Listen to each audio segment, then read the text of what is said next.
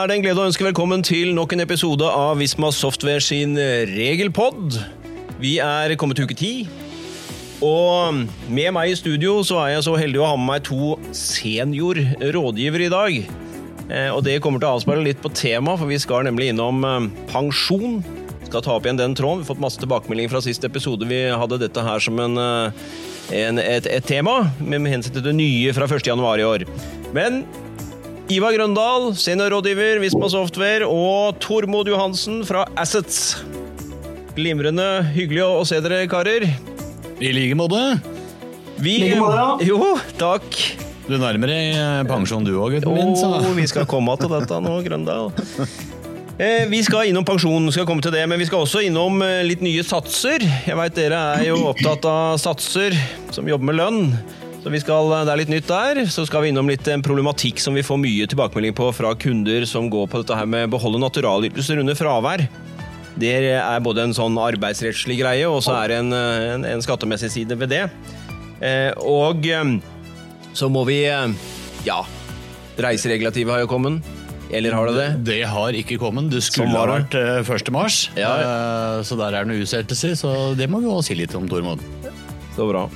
Og så skal vi oppsummere litt på, Nå har det jo blitt vedtatt en del ting på permitteringsfronten i forhold til ny arbeidsgiverperiode, arbeidsgiverperiode to. Og vi har uh, fått en forlengelse av hvor lenge man kan permittere. Og det er noen også noen dagpengeregler som vi må, skal kort innom. Uh, og til slutt lønnsstøtteordningen som regjeringen kommer med nå. Uh, for en del bransjer som sliter under koronabiten, skal vi kommentere også litt på helt til slutt i dag. Mm. Jeg tenker at vi starter med å ta opp igjen tråden jeg, fra mm, regelpodden vi hadde i uke seks, som omhandlet dette her med pensjon. Eh, og det nye eh, med at ca. 1,5 million nordmenn da mm, får bl.a. nå i 2021 en egen pensjonskonto.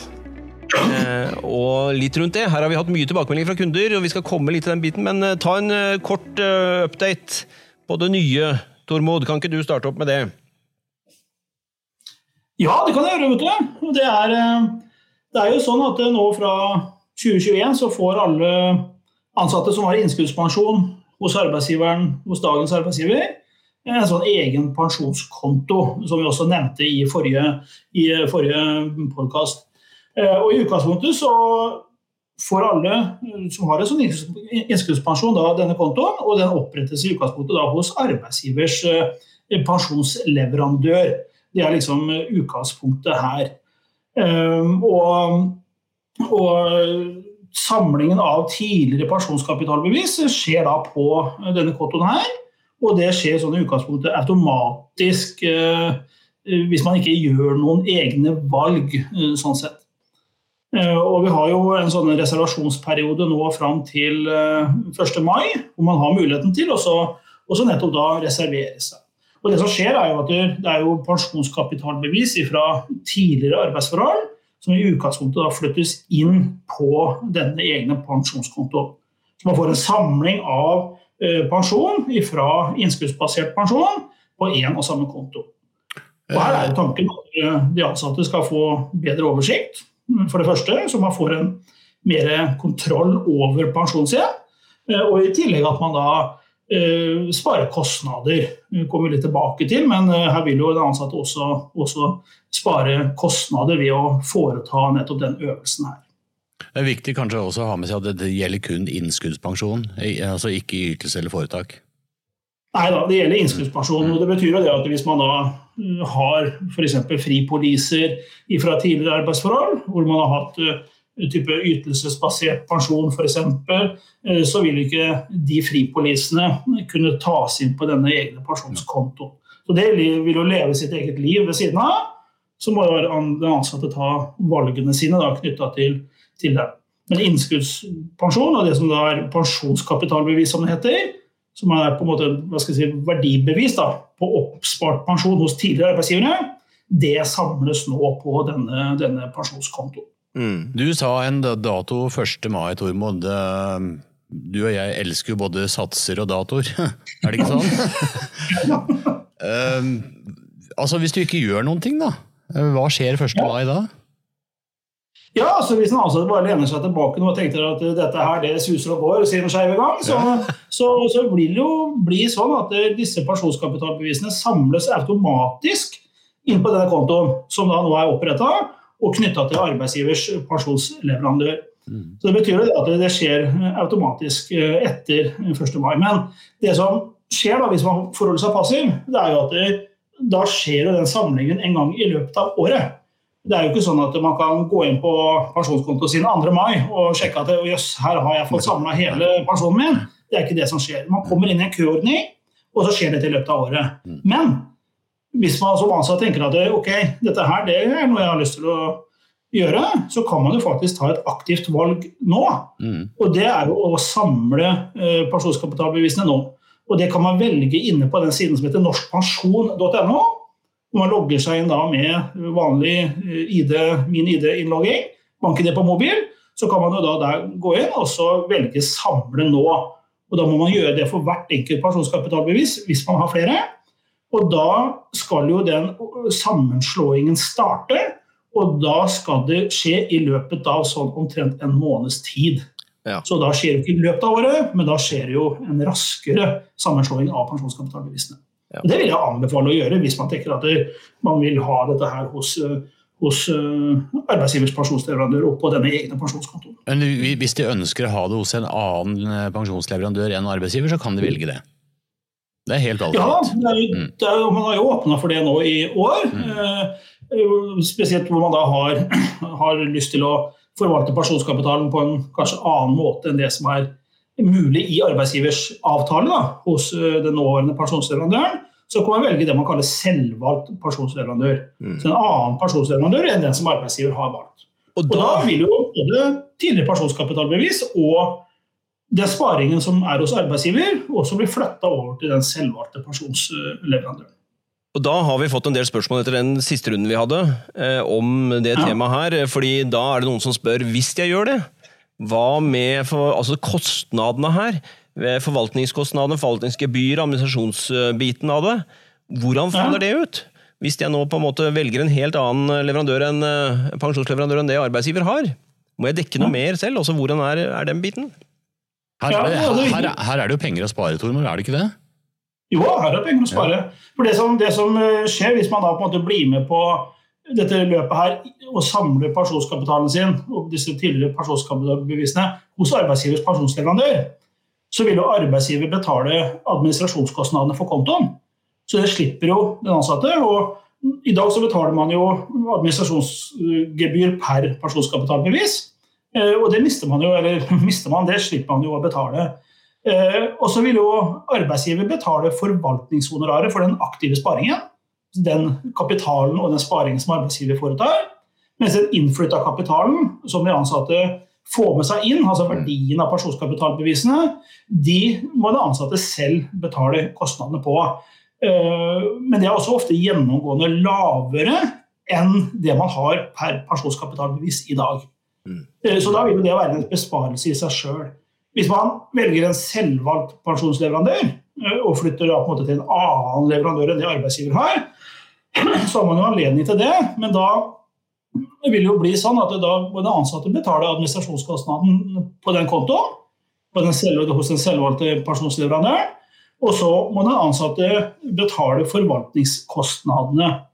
Eh, og I utgangspunktet for hele kontoen og hele kapitalen, men man vil få det som kalles en standardkompensasjon fra eh, arbeidsgiver eh, til dekning av de forvaltningskostnadene som arbeidsgiver ellers ville ha betalt dersom man hadde valgt å være hos arbeidsgivers uh, pensjonsleverandør. Mm, mm. Det er det man kaller standardkompensasjon. og Det vil jo arbeidsgiver få en faktura på.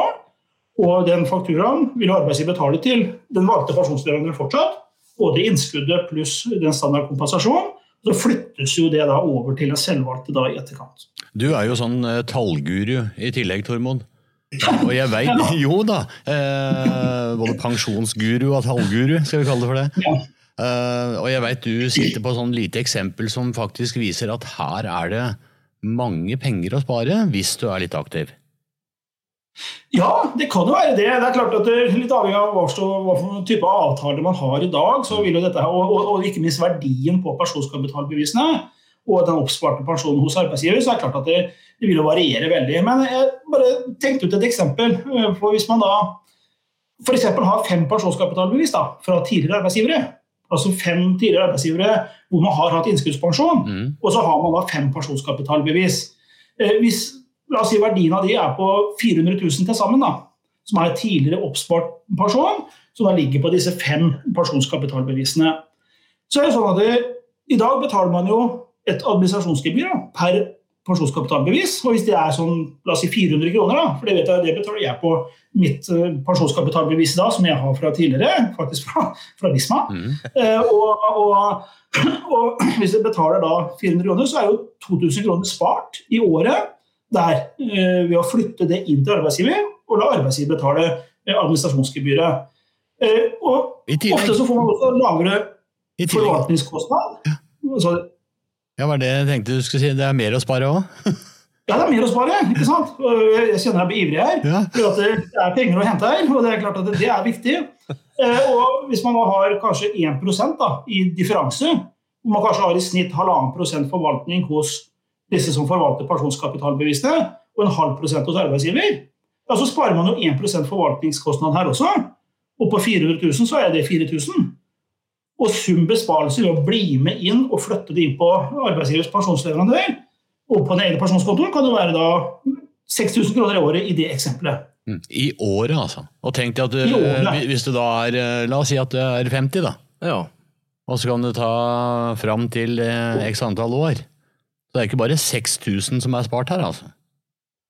Nei, det er jo per år, ikke Ja, sant? Pluss at du har jo også avkastningen på dette her. Mm. Eh, Så det er klart at det er sum uh, per år vil jo eller det man sitter igjen med da, den dagen man blir pensjonist og skal nyte og kose seg, uh, så er det klart at det, da har man jo mer penger på kontoen.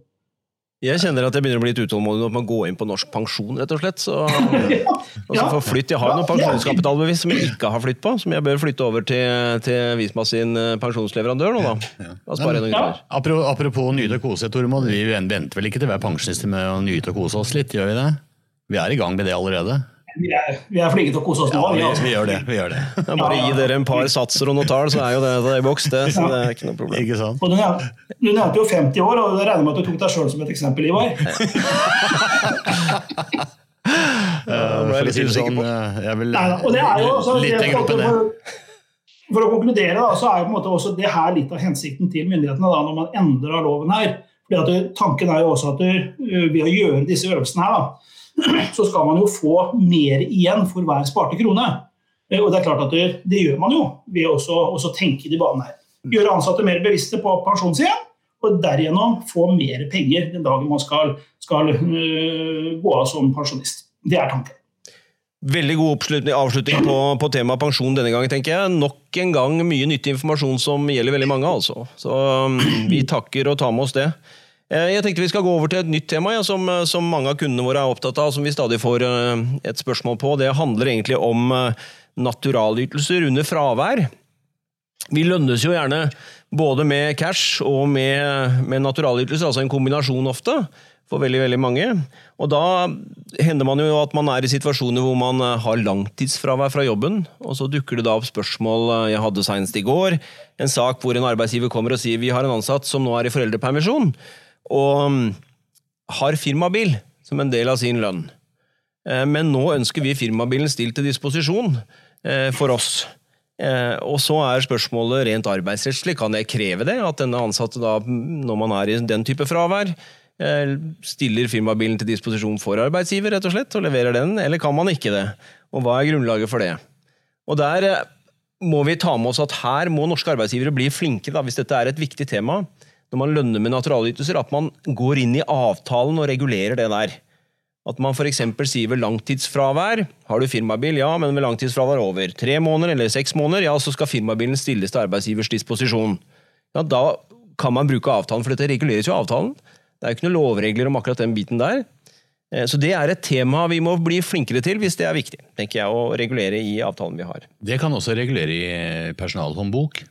Ja, det kan du gjøre. Sier generelt for alle. Ja, Hvis det er ordninger som er generelle, så, så kan man jo snakke om man kanskje kan gjøre det i kraft av arbeidsgivers styringsrett. da. Men, men eh, det er jo en viktig del av lønna til den ansatte, og det er klart at det er ikke bare å kreve den eh, levert tilbake igjen når du har fravær. Det er nok utgangspunktet. Arbeidstakeren har rett til å beholde denne naturalytelsen også under fravær, så lenge man er ansatt. Eh, Og for at det skal være annerledes, så må man i utgangspunktet på en måte ha regulert det og tatt forbehold i avtalen rundt den biten. Så det får være den, liksom, den personalmessige budskapet, tenker jeg. Eh, Men hvis vi nå forutsetter at den ansatte da beholder denne trekkpliktige naturalytelsen under langtidsfravær, så kommer jo den skattemessige biten opp her. Hva gjør vi da, mine herrer? Da er det jo altså det er jo ikke bare firmabil vi snakker om her. Her er det EK-tjeneste, her er det personalforsikringer, det kan være andre naturalytelser òg. Og da er det jo helt klart eh, at man har et, eh, et trekkansvar. Men eh, dette gjelder jo ikke bare foreldrepermisjon. Dette har jo blitt veldig aktuelt i forbindelse med permitteringer, blant annet. Eh, og da er det jo sånn at eh, midlene er jo Nav som utbetaler. Så bare for å si det sånn at eh, hvis, hvis du har en som er i foreldrepermisjon, eh, og arbeidsgiver sier forskutterer, eller er syk og forskutterer, eh, så ligger jo midler der til trekk.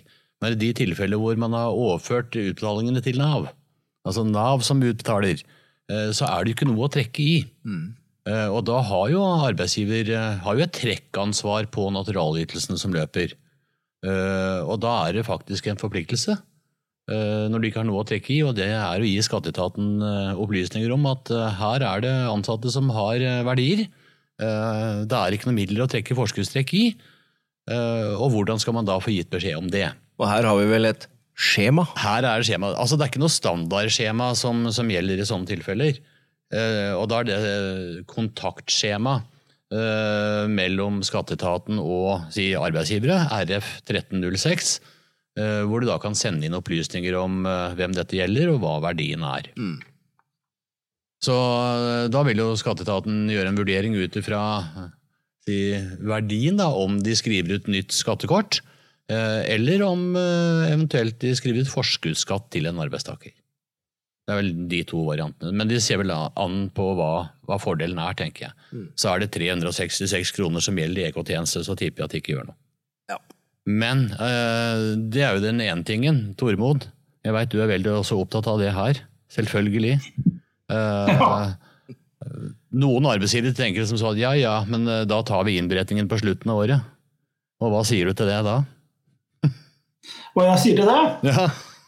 Nå kommer strenge Tormod inn her, og da, da er det sånn. Gamle skatterevisoren. Eh, nei, da, Regelen er jo tydelig der. at eh, Så lenge det gjelder ytelser man har disponert, eh, selv om man da er permittert eller man er i permisjon, hva det måtte være, så skal jo det rapporteres etter kontantprinsippet. Det Mm. Det betyr at de månedene man har f.eks. firmabil eller EK, eh, så, så må man jo rapportere det i avmeldinga, selv om man ikke nødvendigvis kan trekke skatten. Og arbeidsgiver må jo også avsette og beregne og betale arbeidsgiveravgift av fordelen der eh, løpende hver eneste måned. Mm. Så det er ikke noe unntak fra det. Det eneste unntaket her er på en måte den, det med, med skattetrekket som man ikke har anledning til å ta, som Ivar sier, men at man da må melde fra til skatteetaten at det faktisk det er situasjonen. Så oppsummert, naturalytelsene skal innberettes løpende, selv om det ikke er noe middel å trekke i, og så skal man gi beskjed eh, Ja. på RF 1306 at her er, det, her er det ytelser som det ikke er eh, forskuddstrekk i. Så eh, der må man vel oppgi fødselsnummer og verdien av ytelsen. Ja. Veldig bra. Og så er det én ting ja, kanskje en ting å bare, bare nevne akkurat der. fordi at det, Når man går inn og så søker opp dette skjemaet RF1306 på skatteetaten sine sider, så får man jo faktisk flere alternativer. Mm. Og Det som er viktig å bruke da, det er det som heter eh, RF1306 og kontaktskjema for næringsdrivende. Ja. Det er jo arbeidsgiver her som har plikten til å melde fra, ikke den ansatte sjøl. Så det er jo arbeidsgiver som skal melde fra, og da bruker man det skjemaet som heter kontaktskjema næringsdrivende. Og så melder man inn der. Veldig bra. Da har vi løst den.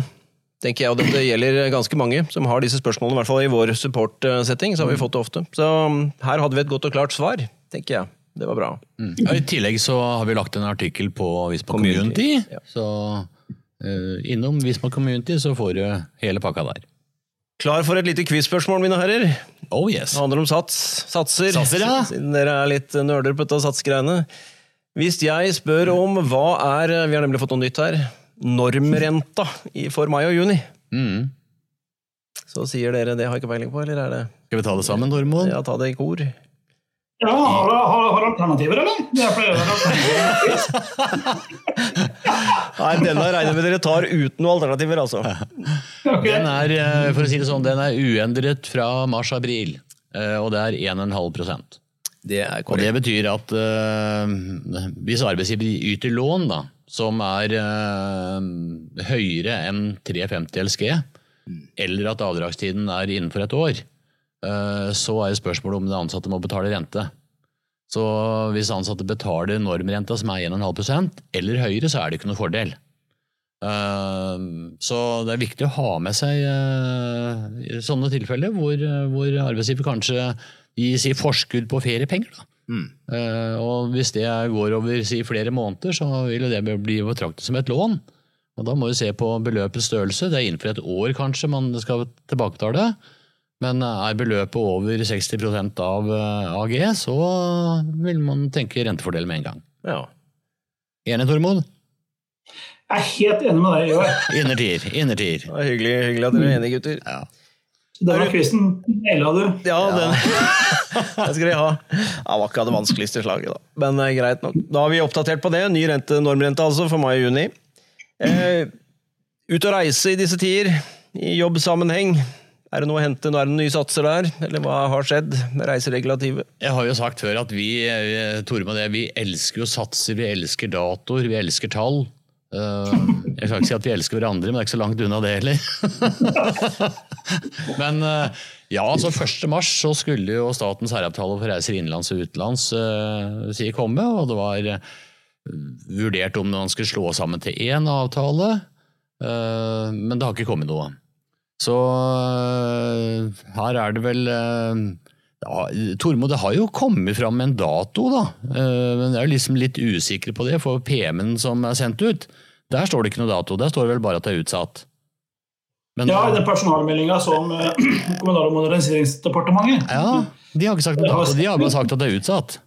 Der skriver han bare at det er utsatt, og der står det ikke noen dato. Men du har funnet en dato, skjønte jeg. Ja, DFØ, eh, Direktoratet for økonomistyring, som da vel styrer mye i staten i forhold til lønnskjøringer og sånt nå, der har man skrevet at det er utsatt til 1. juli. Mm. Så, så det blir spennende å se om det holder stikk, da. Mm. Det, det, det er vel Erfaringen tilsier vel at det ofte er utsettelser der. og det det er ikke så sikkert på at det kommer 1. juli heller, men vi får jo håpe det.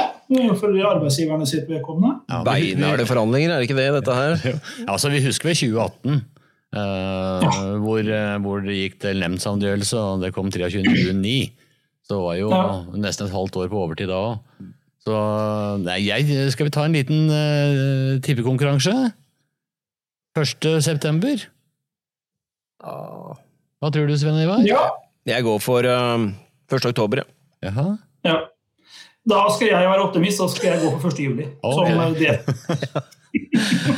Da kommer vi tilbake igjen når vi nærmer oss, får vi se hva som skjer uh, før sommerferien. et, et, eh, et, et viktig poeng er altså, satser. Dette er jo statens særavtaler. Tormod, skattesatsene.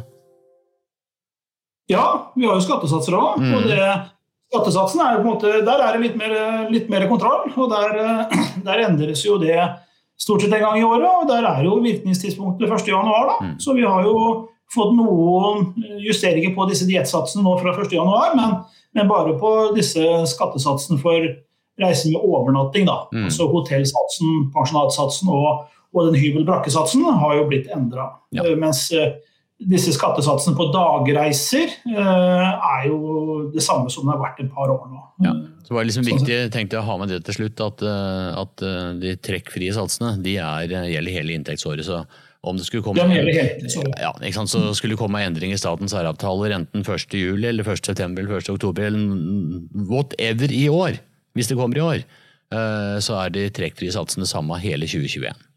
Ja. Mm. Mm. Ja, skal vi si at det var nok om, eh, om reiseregulativet. Eh, vi har vært innom så vidt det var litt et ord i stad som heter permitteringer. Ja. Arbeidsgiverperiode to, permitteringslengden, Eh, en liten oppdatering, Svein Ivar, det tror jeg vi trenger nå.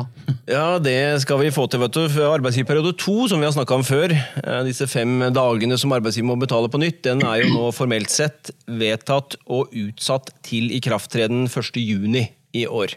Ju Ni. ni, ja. Ja.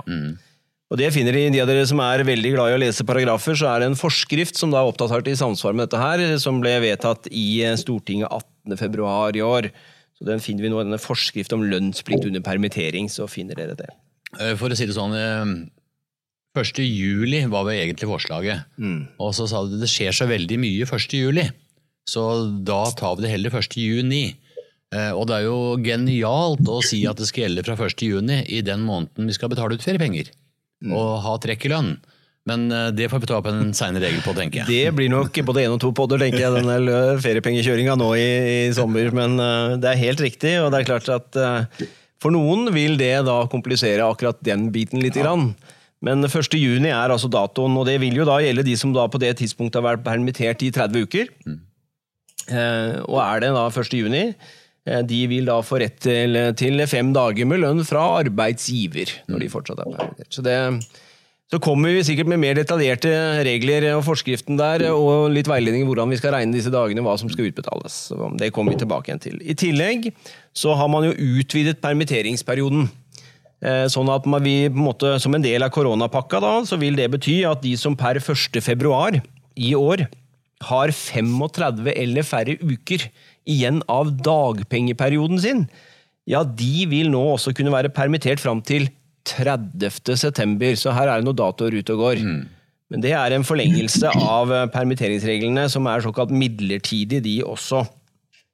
Det var viktig å ha med seg at uh, du stopper ikke på 52 uker, Nei. øh, for å si det sånn. Nei. Og det er greit å ha med seg. Så her eh, videreføres det, det virkemidlet. Og parallelt med det så har man jo også gjort en del dagpengeregler. altså 700 000 søknader om dagpenger har Nav mottatt siden mars i fjor, når vi fikk eh, koronatilfellet.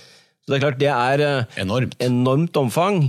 Og man har videreført en del av disse lempingene og høyere satsene som vi har funnet på dagpenger. Her kan dere lese mer i detalj på det på, på community-biten. Det har vært mye snakk om øh, feriepenger på dagpenger. Er det noen avklaringer der, eller? Der er det avklaringer nå, eh, og det er takk og pris for det. fordi her har det vært veldig mye att og frem, og vi fikk på en måte ikke feriepenger på dagpenger, og så har det vært stort fokus på det. Eh, Men 18. februar så vedtok Stortinget å be regjeringen om å innføre en sånn midlertidig rett til feriepenger, 10,2% etter ferieloven, eh, for dagpenger som man har mottatt utbetalt i 2020 og 2021. Eh, Og det vil jo da være penger som utbetales da sommeren eh, 2021 og sommeren 2022 når det gjelder feriepengene sin del, fra Nav. Eh, Og så kommer de tilbake igjen, sier de, med mer detaljer rundt dette her. Så da får vi bare avvente og se. det. Dette er vedtatt, men ikke satt i kraft PT. Men det er mulig det behandles denne uka her, faktisk, i Stortinget, for alt vi vet. Ja. Så, så der blir det feriepenger på eh, dagpengene, men det er noen unntak der som vi også kommer tilbake igjen til. Som eh, gjør kanskje at det ikke var så lukrativt som alle trodde. Men det får vi til. Men Tormod, vi har jo også fått fra regjeringen nå lønnsstøtteordningen. En ny variant. Eh, som ble vedtatt, eh, eller foreslått fra regjeringen nå 5. mars 2021. Eh, Ja. Og det, Der ligger det noen kroner å hente for bedrifter, og særlig kanskje for eh, det de kaller Horeka-bransjen. Altså det med, med, med reiseliv, mat og matproduksjon-biten. Hotell, restaurant og catering. Som jo er rammet veldig hardt av, av dette her. Som har muligheter til å hente inn noen kroner etter denne ordningen. Stemmer det. og Det, det er et forslag fortsatt, eller foreløpig, så, så det er jo ikke vedtatt, eh, vedtatt ennå. I hvert fall per i dag. Eh, Men, eh, men det er jo en ny lønnsstøtteordning. Eh, Vi hadde jo to perioder med lønnsstøtteordning i fjor, eller for fem måneder, altså juli og august, og også for oktober, november, desember, som da hadde sitt, sitt regelverk. Men nå har man fått en ny lønnsstøtteordning som gjelder da for perioden 15. mars og til ut juni, til og med juni. Mm. Og den er utforma litt annerledes, eh, ser det ut til. Eh, De kaller den for mer fleksibel, ser jeg, i beskrivelsene sine, enn den forrige. Ja, ja, ikke sant? litt mer fleksibelt. Og nå kan man jo få lønnsstøtte for eh, etter et dagsats, altså man kan ta inn personer tilbake, eller tilbake fra permittering da, både delvis tilbake. sånn sett. Tidligere så måtte man jo bli tatt tilbake i samme stillingsprosent man hadde før permitteringen, men nå, nå kan man jo gjøre det også litt annerledes. Og så regner man jo også da en, en, en, en dagsats, eh, forutsatt at man da eh, ja, at man, da kan ta inn da også midt i måneden. For Tidligere så måtte man jo være uh, tatt tilbake for hele måneden man søkte for. Mm. Altså For la oss si desember da, så måtte man jo være tilbake i, i jobb fra permittering da, 1. desember for å helt tatt få noe for desember. Ble man tatt tilbake 2. desember, så fikk man jo ikke noe for desember. Men nå har jo det også gjort endringer på det. Så, sånn sett mer fleksibelt, da. Mm. Jeg ser på kronene òg, når jeg ser på hva de skriver rundt hva, de, hva som kan hentes. Da, så ser jeg at det, for arbeidsgivere med et omsetningsfall på 70% eller mer vil kunne hente ut ca. 25 000 kroner i måneden Ja. per ansatt, eh, som man tar tilbake. Og Det er jo eh, absolutt penger å ha med seg, tenker jeg, for en Ja virksomhet. da, Det har jo gått opp litt på beløpet der, for sammenligna med hva det var, var eh, i 2020. Så det også er jo, er jo, er jo positivt. Og så vil jo det graderes nedover da, mm. til fra 70 omsetningsfall ned til 15% omsetningsfall. Og så vil man da gradere da de 25 000 ned til 10 000 kroner, eh, var det vel det, det sto. Så, så, men dette her er jo absolutt noe å ta med seg. Ja. eh. Men det er jo noen forutsetninger her også. Da, og det er jo at man da var permittert da, helt eller delvis da nå 5. mars, når dette, disse, dette forslaget kom. Eh, I tillegg så må man også da ha vært permittert da i, i, i noen datoer da tidligere i eh, fjor, altså enten 15. november, 1. desember, 5. desember eller 31. desember. Man må Mm. jo også ha vært permittert en av de datoene der Mm. for å kunne få lov til å søke, søke denne støtten, lønnsstøtten. Da. De datoene henger jo sammen med at ordningens formål er på en måte å hjelpe de som eh, er rammet litt over tid, altså har vært rammet lenge eh, av, av korona. Så det er derfor de kravene dukker opp. Så mm, Poenget er jo rett og slett med denne ordningen å få permitterte tilbake raskere, tilbake i jobb, fordi vi har en veldig høy arbeidsledighet PT, naturlig nok. Eh, Så det blir spennende å se. Jeg kommer til å legge ut en liten artikkel med hovedpunktene på den lønnsstøtteordningen på, på Visma sitt eh, community, under lønn HR-området der, sånn at dere kan lese mer i detalj på akkurat det. eh, Så fort den er vedtatt i Stortinget, tenkte jeg. Ja. Genialt.